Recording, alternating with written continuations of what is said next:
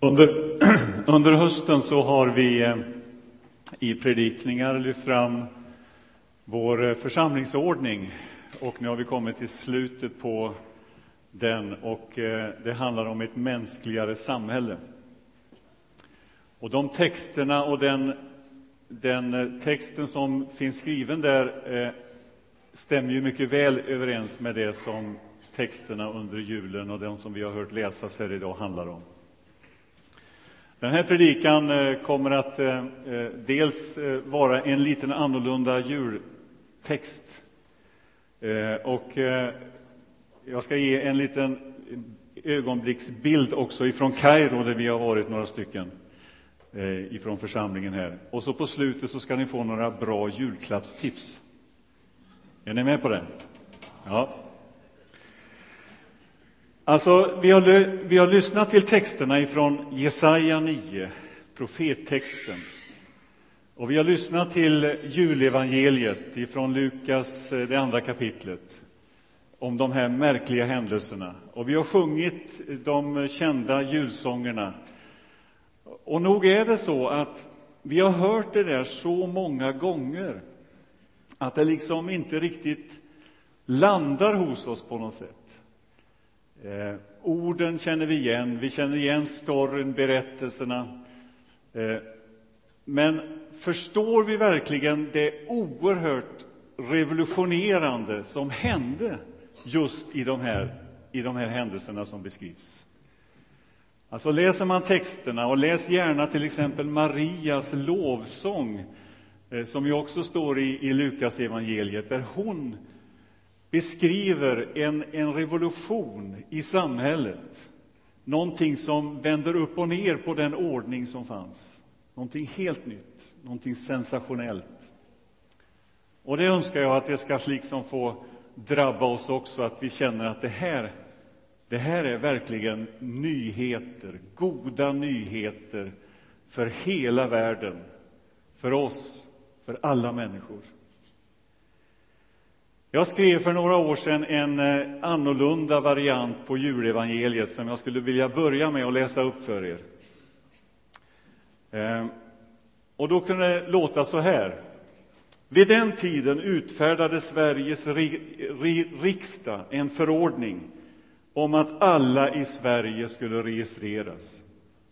Denna registrering hölls när Fredrik Reinfeldt var statsminister i Sverige. Alla gick då för att registrera sig, var och en till sin kommun. Och Josef, snickare, som egentligen var född och uppväxt i Göteborg, men som nu bodde i Åmål, han fick resa från Åmål i Dalsland till Göteborg i Västergötland för att registrera sig tillsammans med sin hustru Maria, som väntade sitt första barn. När de kom fram till Göteborg var tiden inne för Maria att föda sitt barn. Och eftersom det var sent då de anlände till Göteborg och att det denna dag också råkade vara oväder med snö och halka och att det dessutom var stängt på BB på grund av nedskärningar mellan 22.00 och 07.00 så fick Maria föda sitt barn på parkeringsplatsen i Nordstan dit en vänlig Securitasvakt hade visat dem. Och hon födde sitt första barn, en son, och la honom i en kundvagn som Securitasvakterna och Josef hade bäddat med filtar. Vid GP-huset inte långt därifrån hade några tidningsutdelare samlats för att hämta tidningar och köra ut i Göteborg. När de stod där kom plötsligt en ängel till dem och hela området blev upplyst av Herrens härlighet. De blev mycket rädda. Men ängeln sa till dem, var inte rädda, jag kommer till er med glädjebud, ett glädjebud till alla människor. Idag har en ny världsmedborgare blivit född, en befriare och en frälsare, en som är Guds utsände till vår värld. Och för att ni ska veta att detta inte bara är tomma ord, så spring över till parkeringsplatsen vid Nordstans köpcenter. Där kommer ni att finna tecknet, ett barn som ligger nerbäddat i en kundvagn. Och plötsligt var inte bara där en ängel, utan en stor himmelsk härskara som lovade och prisade och sjöng ära i höjden åt Gud och på jorden fred åt dem som han har utvalt. Och när alla änglarna hade farit upp mot himlen skyndade alla tidningsutdelarna till Nordstan och fann Josef och Maria och det nyfödda barnet som låg i kundvagnen. Allt de fick se var precis så som änglarna hade berättat för dem. Och när de hade sett det skyndade de sig tillbaka till GP-huset, hämtade sina tidningar och började köra ut dem. Men denna gång lade de inte tidningarna i postlådorna utan de knackade på i alla, hus, i alla husen och berättade för alla den stora nyheten och allt de hade varit med om. Och alla som hörde det blev mycket förundrade och häpnade över allt det som tidningsbuden hade att berätta. Maria tog allt till sitt hjärta och begrundade det och tänkte på allt det som hade hänt. Amen.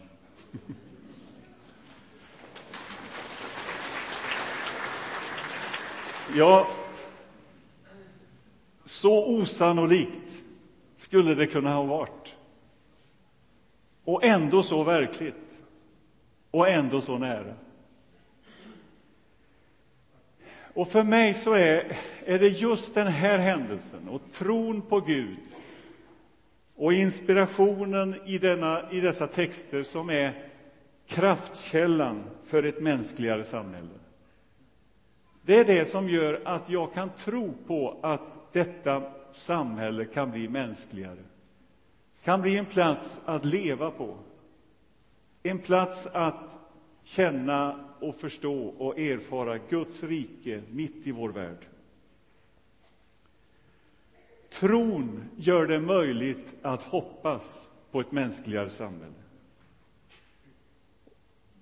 Och tron och hoppet Ja, det är det enskilt viktigaste inslaget för att kunna förändra den här världen. Och Jesus gav människor hopp. Han gjorde det genom att presentera och inbjuda till ett rike mitt ibland oss. Och han säger att det kommer en dag när alla ska bli mätta. Det kommer en dag när ingen ska lida. Ingen ska förtryckas, ingen ska utnyttjas. Inga tårar ska mer finnas. Och den dagen har redan börjat. Och ibland så tycker vi att det inte syns och inte hörs för allt elände och ondska vi ser. Men var så säker, den dagen är här. Riket är ibland oss. För ett par veckor sedan besökte jag tillsammans med några andra från den här församlingen Kairo för att se på eh, en del av det arbete som vi som församling finns med i.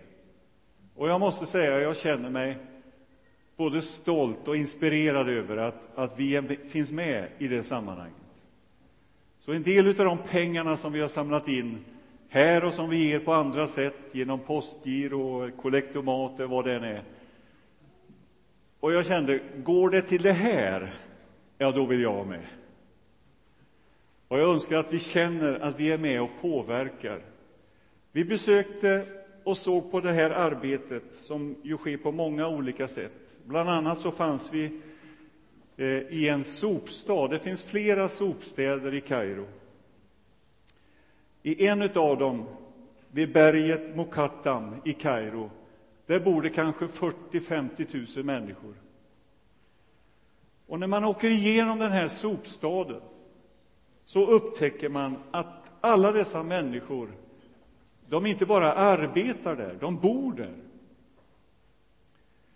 Och varje dag så ägnar de sig åt, eller arbetar med, att köra runt i Kairo för att hämta sopor. Och när vi såg de här människorna, såg hur det såg ut och kände lukterna. Och vi kan ju bara ana när det är 40 grader varmt i den här miljön. De här sopåkarna, beräknar man hämtar ungefär hälften av de tusentals ton sopor som produceras varje dygn och varje... Ja, det är mängder av sopor. Eh, och de kör, de hämtar dem med vagn, med häst, med åsnor, kör hem det till sitt hem, lämpar av det på första våningen och så börjar sorteringen utav de här soporna. Matresterna i soporna gavs förut till grisar som gick omkring i den här sopstaden. Men när, när svininfluensan slog till så bestämde myndigheterna att alla grisar skulle slaktas. Och sopor, sopåkarna de protesterade och strejkade under, en under ett tag. Och det ledde ju till kaos i den här 20 miljoner staden som Kairo utgör. Men man slås av när man möter de här människorna, vi var besökt ett par av de här sopstäderna, det är hur glada alla är. Vilka leenden! Och vilka eh, uppmuntringar man fick och vilja till att hälsa, att eh, stanna upp, att samtala. På den andra sopstationen som vi var, där bodde det kanske uppemot 100 000 människor. Och vi gick genom den här stadsdelen på gator som inte var gator utan leråkrar. Och i den här sopstaden finns vi. Genom att hjälpa till med skolgång och sjukvård och andra eh, saker som behövs i det här samhället. Men mitt i den här sopstaden finns kyrkan, finns församlingen. Och på något sätt så, så fick vi under besöket är se hur Guds rike, hur evangeliet kan landa i en värld och göra ett samhälle mänskligare. Alla de här sopåkarna tillhör den koptiska kyrkan i Egypten. Och när man har arbetat en hel dag så möts man till gudstjänst i den jättelika amfikatedralen som man har byggt med plats för uppemot 20 000 eller i den mindre grottkyrkan. Och denna församling gör denna sopstad till en plats, inte bara att leva på, eller inte bara att dö på, utan också att leva på. Att finnas där, att det blir meningsfullt. Hoppet och tron och vetskapen om att Guds rike har kommit präglar den här stan. Fader Simon är prästen i församlingen. Och han är verkligen en fader för alla. Och när vi stod där så kom han med sin bil, körde fram där och vi såg hur människorna skockades omkring honom. Han var verkligen en fader för alla. Han var tidigare en framgångsrik affärsman inne i Kairo. Eh, en dag så berättas det att han hade tappat sin klocka, en dyrbar klocka som han hade som var värd uppemot 80 000 kronor. Och en dag så, han letar efter den och finner den inte. Och en dag så knackar det på hans dörr på kontoret. Och när han går och öppnar så står det utanför en smutsig man, en av de här sopåkarna. Och han har en kasse i sin hand.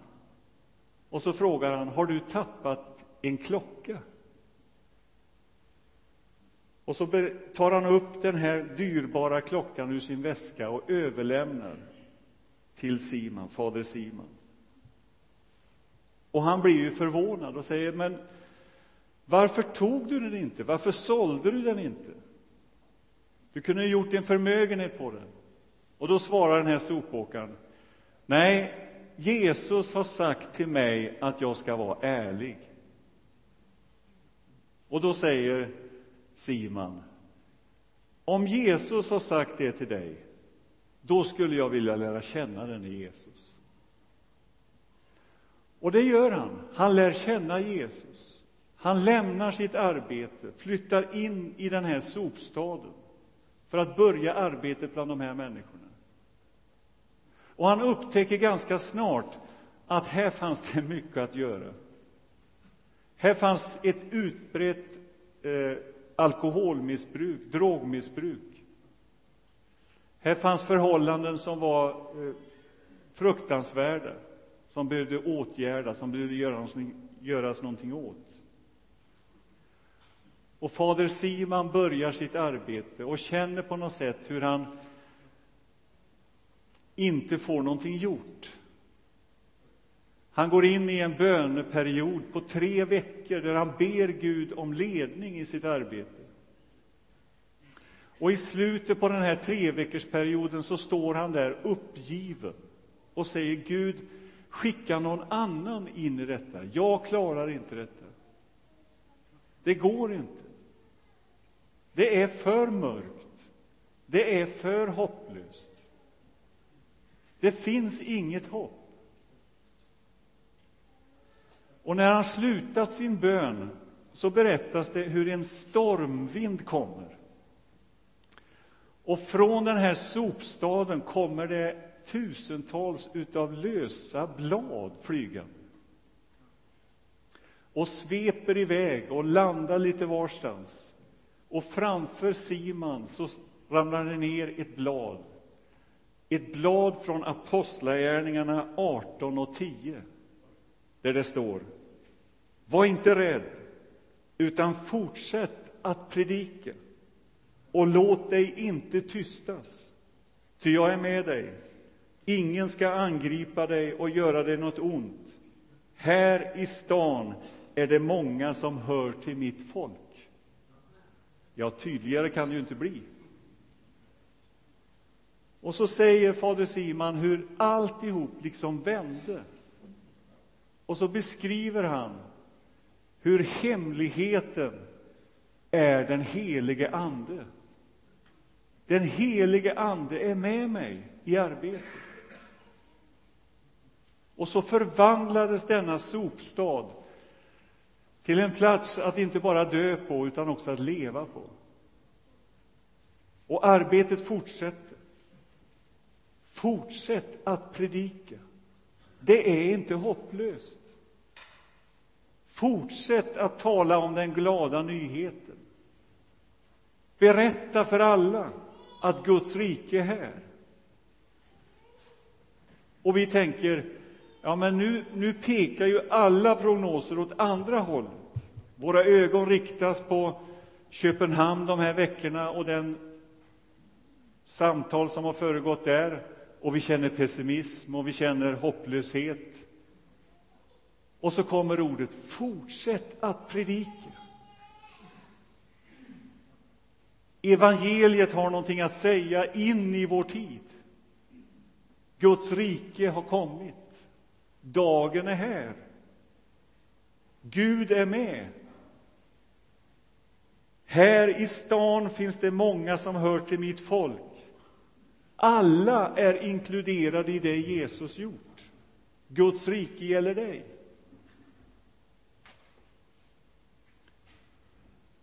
Det som märks så tydligt när man läser Jesu undervisning om Gudsriket, det är ju att det handlar om fullbordan. Jesaja-texten pekade framåt och Lukas 2 liksom stryker under, nu är den dagen här. Alltså, det handlar inte om bara någonting där framme, utan här och nu. Det handlar inte om förväntan, utan fullbordan. Det sista dramat i världens historia har inletts.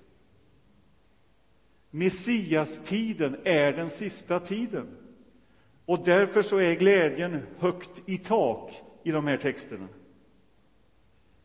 Jesus förvandlar samhället, jorden, till en plats att leva på, att få hopp, framtidstro. Och vissheten om att Messias har kommit och att Guds rike är när, det är det som är det revolutionerande när man läser Nya testamentet.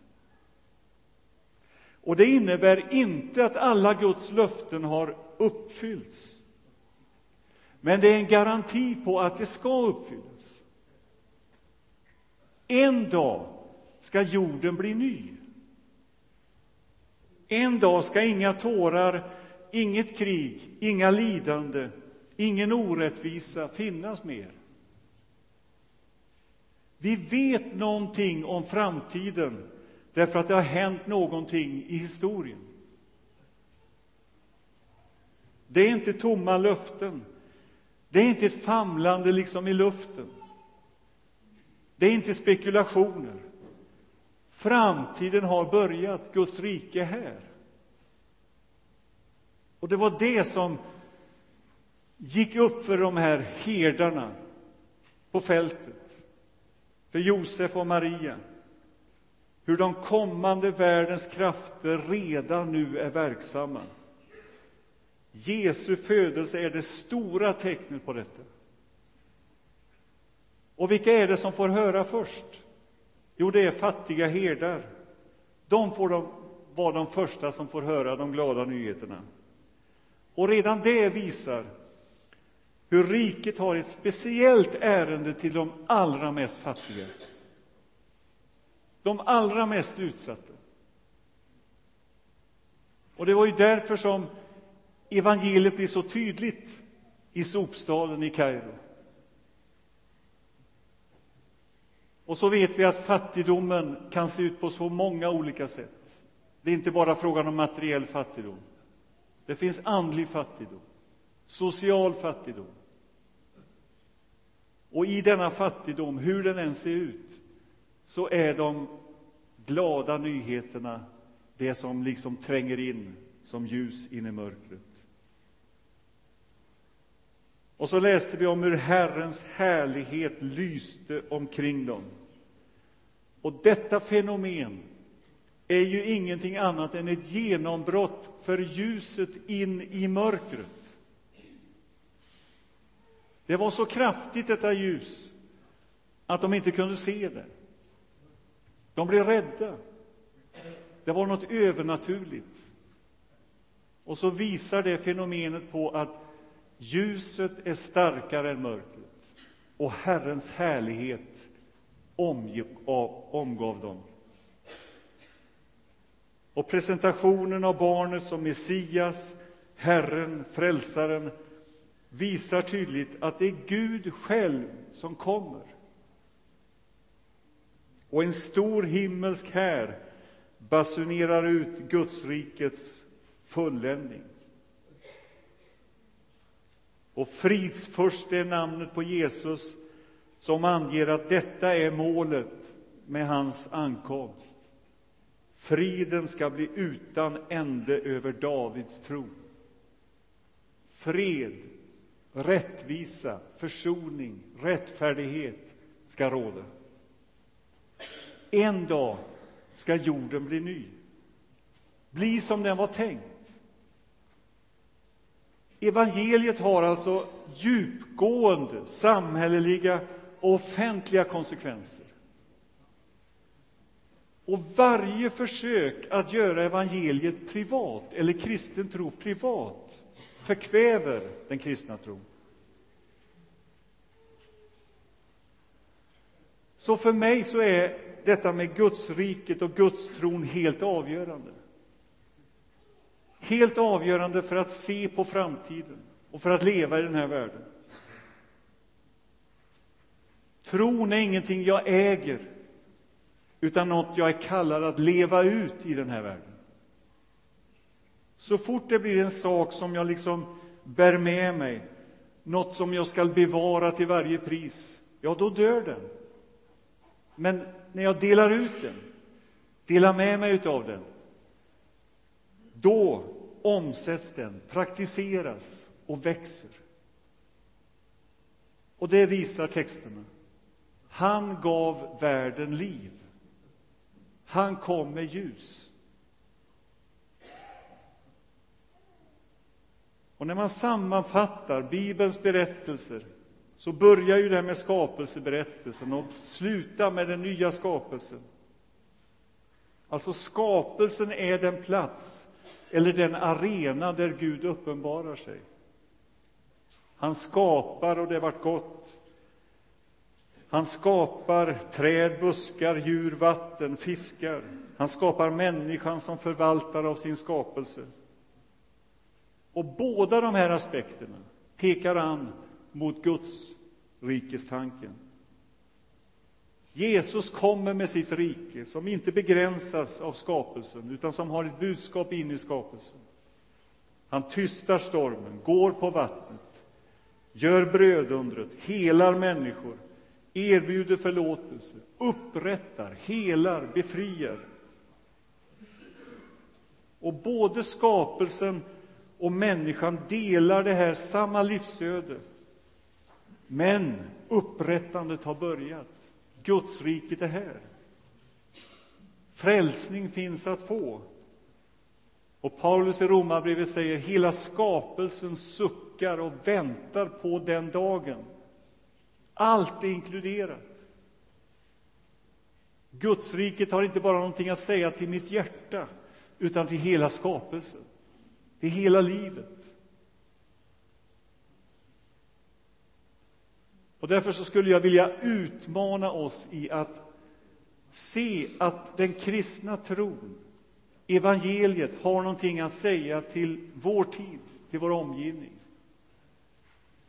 Och låt mig få ge några sådana här julklappstips på slutet i den här predikan. Jag lovar ju det. Alltså, ett år ligger framför dig, ett nytt år. Hur kan du bäst praktisera din tro? Hur kan du bäst göra så att den här världen, det här samhället blir en plats, en mänskligare samhälle, en mänskligare plats? Jo, ställ dig i Guds rikes tanke. Lev ut där, där du finns. Första julklappen, bli en förebedjare. Bed att Guds rike kommer. Be för människor som du har i din omgivning. Gå in på ett, på ett tydligare sätt i en förbönstjänst. Är det någonting som kan förändra världen, så är det förbön och bön. Låt ditt rike komma, lärde Jesus oss att be. Låt din vilja ske. Låt det här året som ligger framför bli ett steg för dig att gå in ytterligare i förbönens tjänst. Vi mötte en annan församling i Kairo, en församling som finns mitt inne i centrum och som gör ett fantastiskt arbete. Bland annat så har de Mellanösterns största rehabiliteringsarbete för drogmissbrukare. 17 stora inrättningar finns det utspridda över Egypten. Och vi besökte ett av dem. Och när vi besöker den här församlingen, och vi var där på en gudstjänst, det var väl ett par tusen som var samlade i denna presbyterianska församling som var mer en karismatisk pingsförsamling än något annat jag mött. Där sker under och tecken. Eh, det var lovsång och tillbedjan. Och när vi möter en av pastorerna en förmiddag som berättar om församlingen så säger han det är en hemlighet till vårt arbete. Det är förbönen och bönen. Och för tre år sedan startade vi 24-7-bön, 24 timmar om dygnet. Och det har pågått nu i tre år, oavbrutet. Och det är hemligheten. Låt oss haka på i bönen. Att vara med i det Gud gör i den här världen. Att vara med och påverka. Rent konkret, nästa julklapp. Sagåsen är en sån här plats där vi finns varje vecka ifrån församlingen här. En plats där människor som kommer första gången till Sverige anländer till. Åk med dit. Engagera dig i det. Baka bröd och skicka med dem som åker dit. Be för dem som arbetar där. Be för dem som bor där, som finns där. En tredje julklapp, det är vår alfaverksamhet som vi har i kyrkan. Alfa som är en grundkurs i kristen tro. Tänk vad mycket vi kan göra genom Alfa. Eh, finns med där i din förbön också. Och varför inte engagera dig på ett eller annat sätt? Det finns gott om uppgifter. Räddningsmissionen är en av våra eh, samarbetspartners här i stan.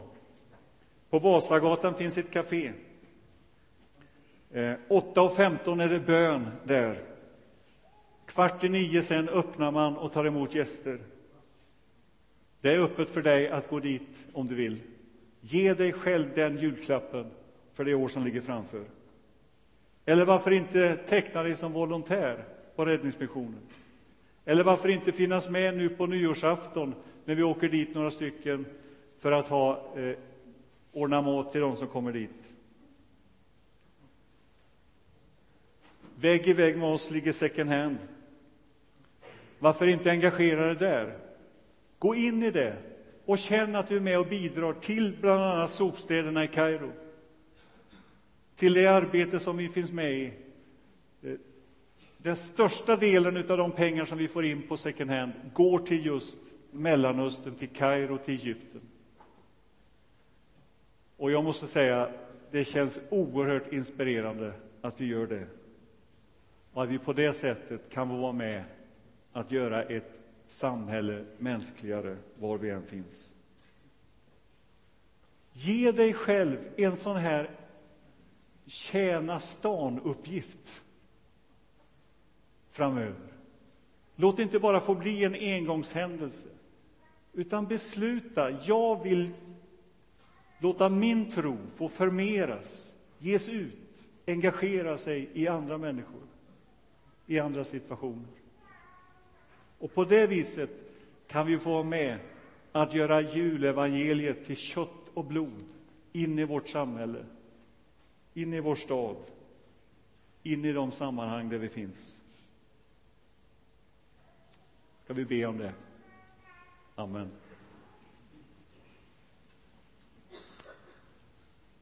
Tack Gud att du har kommit med ditt rike in i vår värld.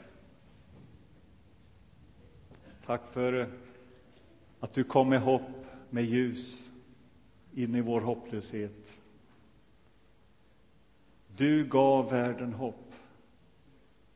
Du gav världen ljus.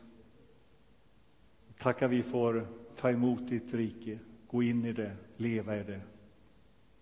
Och vi ber att vi ska få vara bärare av det in i de sammanhang där vi finns.